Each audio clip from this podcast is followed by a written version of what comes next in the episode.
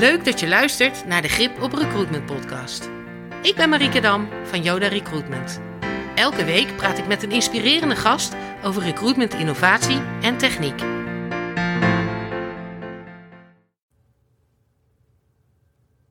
Leuk dat jullie allemaal weer luisteren naar de Grip op Recruitment podcast. Vandaag hebben we een hele bijzondere gast, Danny Sanders. Danny, welkom. Dankjewel. Danny is de founder van de Inclusion Studio. Uh, we gaan zo meteen uitgebreid uh, praten over uh, wat dat is en wat jullie doen. En daarnaast ben jij lid van de Ethical Commissie van Skills CV. Um, waarmee je mensen matcht op vaardigheden. Ja. Skills CV matcht mensen op vaardigheden. Ja. zou jij zelf eerst even wat willen vertellen over de Inclusion Studio? Uh, nou, ik wil zeggen, dat werpt natuurlijk al meteen heel veel vragen Ja, op. echt, Hoe gaan we dat dan in hemelsnaam doen? Uh, de Inclusion Studio. We um, proberen op een evidence-based manier, uh, en op een hele nuchtere manier eigenlijk, uh, organisaties te helpen om meer inclusief en divers te worden. En dat zijn dan toch vaak organisatorische vraagstukken. Dus vaak ben je dan bezig om eigenlijk op een bestuursniveau uh, mee te kijken. Um, omdat je misschien grote keuzes moet maken, maar die wil je maken op basis van echte kennis, op goed onderzoek. En daar helpen wij. Ja, mooi. Mooi uh, thema ook. Een thema wat, uh, waar ik ook enorm veel interesse en passie voor heb. Dus we hebben in het voorgesprek al ondervonden dat we elkaar goed kunnen vinden en ook wel kunnen verliezen in dit onderwerp. Ja. Dus voordat we in de diversiteit en inclusie duiken, laten we eerst even inzoomen op mensen en hun vaardigheden. Ja. Uh, hoe ben jij zo bij Skills CV terechtgekomen als lid van de Ethical Commissie? Nou, dat is gedaan via uh, Blikverruimers. Dat is een, een stichting um, die eigenlijk helpt om de jongere generatie in de boardrooms te krijgen. En ik heb dus een opleiding gedaan als toezichthouder van de toekomst. Zo heet dat dan. Um, omdat je, daar natuurlijk ook de grote keuzes worden gemaakt. Um, maar daar momenteel eigenlijk nog de, de jongere generatie niet vertegenwoordigd is. Je bent in een uh, uh, raad van toezicht. Um, als, uh, nou zeg, 40-jarige behoorlijk jong. Dus de, de gemiddelde leeftijd ligt daar veel ouder. Dus via de blikverruimers ben ik daar terecht gekomen. Omdat ze ook graag de jongere generatie wilden betrekken. Ja, Mooi hè, Ja. dat je met uh, 40 zei je net. Ja, ik ben niet 40. Oh. Uh, ik, ben Oh, 32. maar nee, maar kun je nagaan. Dat- Ja, dus de, de, de jongere generatie, die, die wilden ze graag daarbij betrekken. Dus uh, is een hele, heel mooi programma. Een jaarprogramma waarbij je eigenlijk met uh, mensen die daar heel veel ervaring in hebben, krijg je alle facetten van, van het toezichthouderschap, krijg je, krijg je voorgeschoteld, zeg maar. Dus zo ben ik daar terecht gekomen. En um, uh, Skills CV um, heeft een uh, app gebouwd waarin je als kandidaat je eigen ervaringen kan invoeren. En dan worden op basis van jouw ervaringen worden uh, vaardigheden gedefinieerd. Waardoor je uiteindelijk een soort van skills CV, dus een CV, een overzicht van al je vaardigheden krijgt. Ja. Waardoor je op veel meer functies te matchen bent dan alleen degene die je hebt gedaan. Nou, laat, laat, ik, laat ik het uh, uh, in een uh, persoonlijk verhaal wat tot leven brengen. Yes, graag. Um, als eerste is het natuurlijk, als je überhaupt kijkt naar inclusie en diversiteit, belangrijk um, omdat uh, dan ga ik even jargon gebruiken, uh, intersectioneel te bekijken. Dat betekent dat ik niet uh, volledig omschreven ben als je zegt, hier is een man. Ik ben meer dan alleen dat. Hè. Ik ben ook meer dan alleen een, een huidskleur of alleen een geaardheid. ik ben eigenlijk alles. Ik ben dat hele pretpakket van heel veel van die diversiteitsassen. En waar dat elkaar overlapt, hebben we het over intersectionaliteit. En een ander... Uh, simpele uiting daarvan is dat het enige antwoord op de vraag wie ben jij, kan alleen maar een verhaal zijn.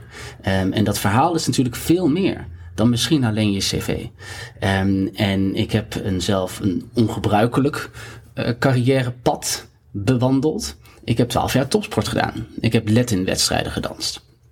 Dat wordt natuurlijk nooit in een um, vacaturetekst uh, gevraagd van heeft iemand uh, deze ervaring. Maar het zijn toch behoorlijke vaardigheden die ik daar heb opgedaan. Hè? Ja. Ik weet bijvoorbeeld letterlijk wat het is om leiding te geven.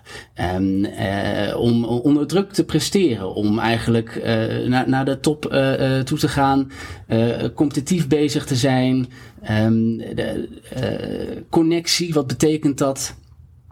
dus dat, dat um, dat zijn vaardigheden die eigenlijk zo waardevol zijn en, en die ik uh, het liefst zoveel mogelijk met me wil meenemen. En het is heel waardevol als werkgever om die te benutten.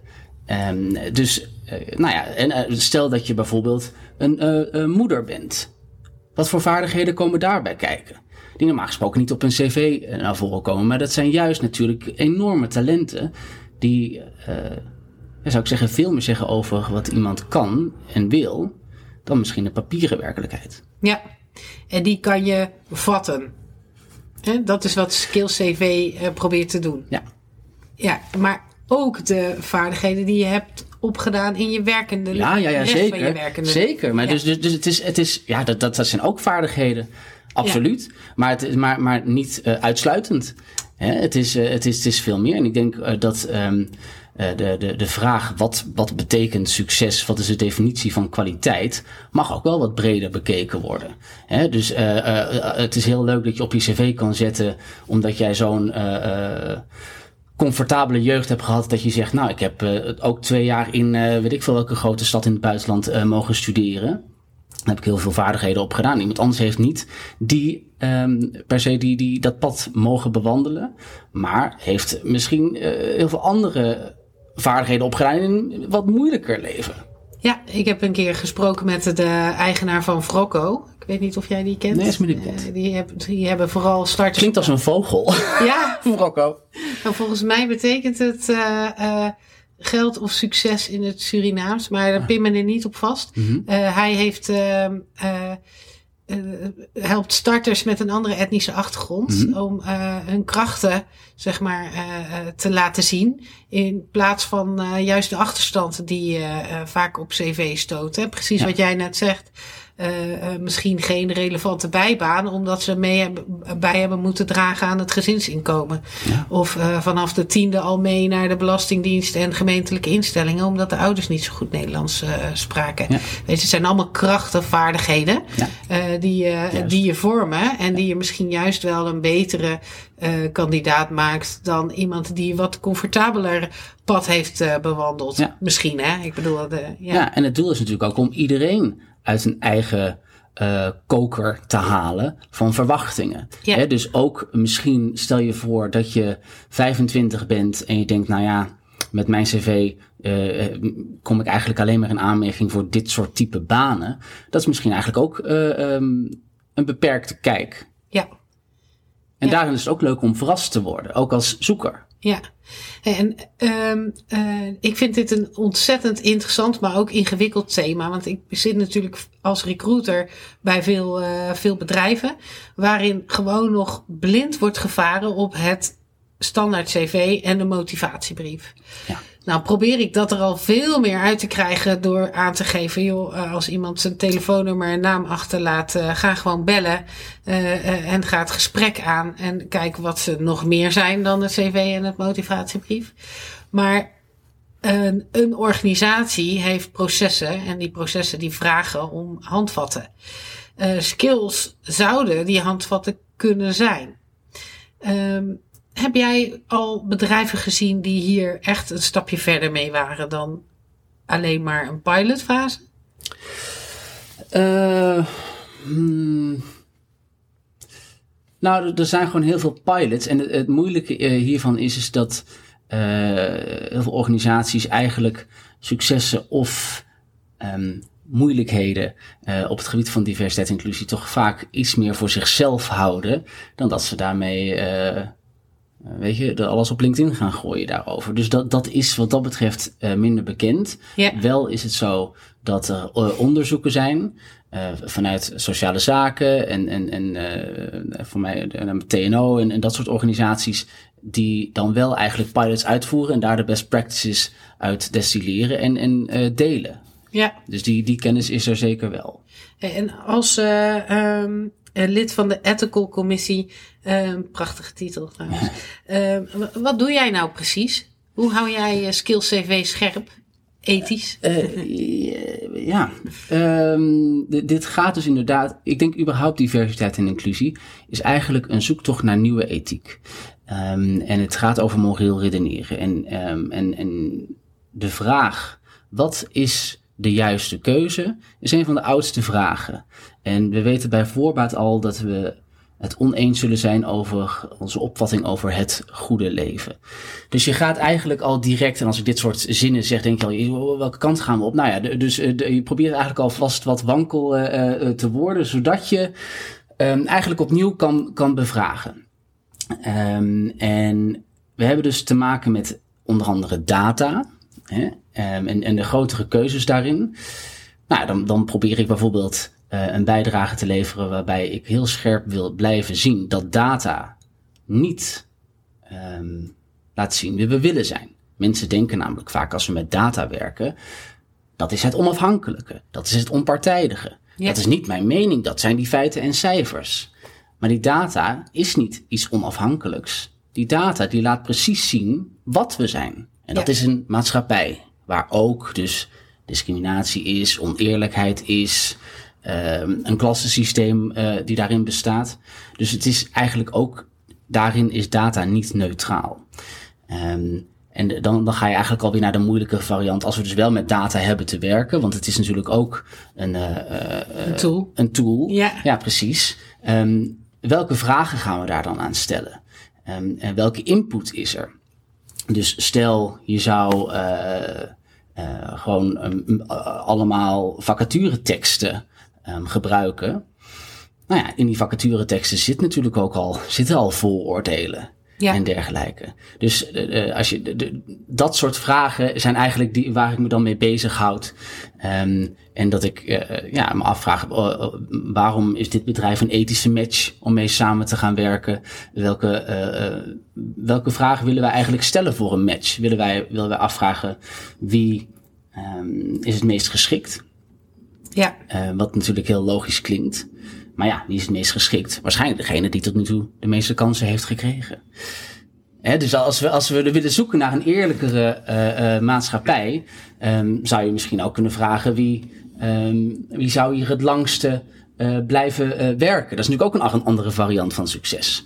Um, en dat zou misschien iemand kunnen zijn die nog minder kansen heeft gekregen, maar uiteindelijk ze wel zal pakken. Ja. dus Um, wat ik nu zeg zijn geen definitieve antwoorden, maar dat zijn de vragen. En ik denk, eh, antwoorden komen en gaan, maar de vragen zijn het belangrijkste. Ja. Dus die probeer ik te stellen. Een mooi antwoord dit.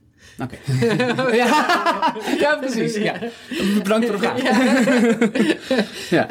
Um, uh, even kijken hoor. Um, ik, ik had ik, ik zit veel aan de bedrijfskant, hè, dus ik probeer constant ook een beetje te kijken van ja, hoe, hoe zou dit nou in de praktijk werken. En um, wat ik heel lastig vind, of wat, eh, wat heel lastig wordt, denk ik, is dat bedrijven vaak niet zoveel grip hebben op wat voor vaardigheden een bepaalde positie nou vraagt. He, dus je kan wel heel goed proberen de mens te meten. Mm-hmm. Wat verschrikkelijk ingewikkeld is volgens mij. Ja. Ik heb al echt wel veel ook assessment programma's et cetera gezien. Uh, waarin we proberen door middel van uh, TMA, DISC, uh, um, noem maar op, kleurtjes of naampjes aan, aan dingen te geven. Maar uiteindelijk um, moet een persoon ergens gaan werken. Mm-hmm. En dus die vaardigheden, die moeten dan matchen zeggen ze dan zo mooi. Maar ik kan mijn eigen vaardigheden wel in kaart brengen, maar hoe brengt een bedrijf nou zijn vaardigheden in kaart? Ja. De vaardigheden van een functie in kaart. Ja. Weet jij of er bij Skills CV of een ander uh, initiatief wat je hebt gezien, dat daar al beweging in zit? Ja, uh, um, nou ja, uit, uit bijvoorbeeld onderzoeken uh, blijkt zeker dat als je dus een eerlijke werving- en selectieproces wil hebben, moet je voordat je gaat werven en selecteren inderdaad heroverwegen wat we allemaal vragen. Is dat ook zo? Ik denk dat als je heel veel mensen gaat vragen, überhaupt kun je je baan uitleggen, kunnen ze al niet eens daar een antwoord op geven. Laat staan, als je de vraag gaat stellen, kun je die functie waar we iemand verzoeken eigenlijk kun je echt uitleggen wat diegene nou moet gaan doen. Ja. Nou, dan moet je toch harder gaan proberen. En dan daarvan zeggen, wat is daarvoor nodig? Ja. Ja, wat ik, wat ik heel ingewikkeld vind. En uh, hè, daarom uh, ben ik, uh, ook, vind ik het recruitmentvak zo ontzettend interessant. Ik denk altijd, als je ergens solliciteert, dan denk jij dus dat je het kan. Wie ben ik nou om te zeggen dat jij dat niet kan? Hè, dus, um, en op het moment dat bedrijven misschien met iets meer zo'n blik ernaar zouden kijken. Hè, dus dat een sollicitant met al zijn vaardigheden denkt dat ze de baan kunnen die jij hebt openstaan. Waarom zou je het dan niet gewoon proberen? Nou, als je het dan hebt over moreel redeneren, hè, dan, uh, dan geef je eigenlijk een heel mooi voorbeeld daarvan. Um, het beste uh, pleidooi voor een meer gelijkwaardige samenleving is eigenlijk de politieke theorie van het egalitarisme. Um, en dat uh, kan je uit een um, goede kennis daarvan, maar dat is natuurlijk breder dan wat ik nu ga zeggen, is dat je degene die dat je de meeste ondersteuning biedt aan degene die de minste voordelen heb, hebben genoten. Dus als je een beleid gaat opstellen waarbij je met name degene die al het meest sterk is nog meer gaat versterken, ja, dan creëren we niet een veel eerlijkere samenleving. Dus als je het hebt over je um, selectieproces, kan je natuurlijk uh, zelf in een hele sterke positie blijven zitten, maar je bent als interviewer of als werkgever um, al in de meest sterke positie in dat gesprek. Is het misschien veel prettiger om juist meer je proces en je gedachtes ondersteunend te hebben voor die kandidaat. Laat die nou in de meest sterke positie zichzelf uh, uh, tonen. Ja. Ik denk dat je dan al, mensen al kan versterken en dat je dan misschien ook veel meer van iemand te zien krijgt. Ja. We zijn alweer door de tijd heen. Ja. Dus uh, we zetten zo meteen de, de, de apparatuur stop en dan starten we hem weer op. Want Danny, volgens mij zijn wij nog lang niet uitgepraat. Bedankt in ieder geval voor dit kwartier. Graag gedaan. En graag tot de volgende aflevering. Tot de volgende keer.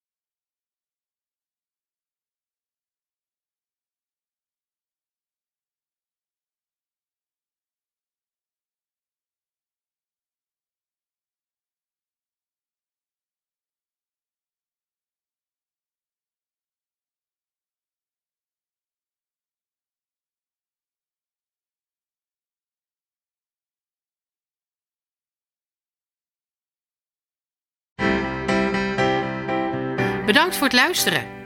Nieuwsgierig naar innovatieve recruitmenttechnieken voor jouw organisatie? We helpen je graag.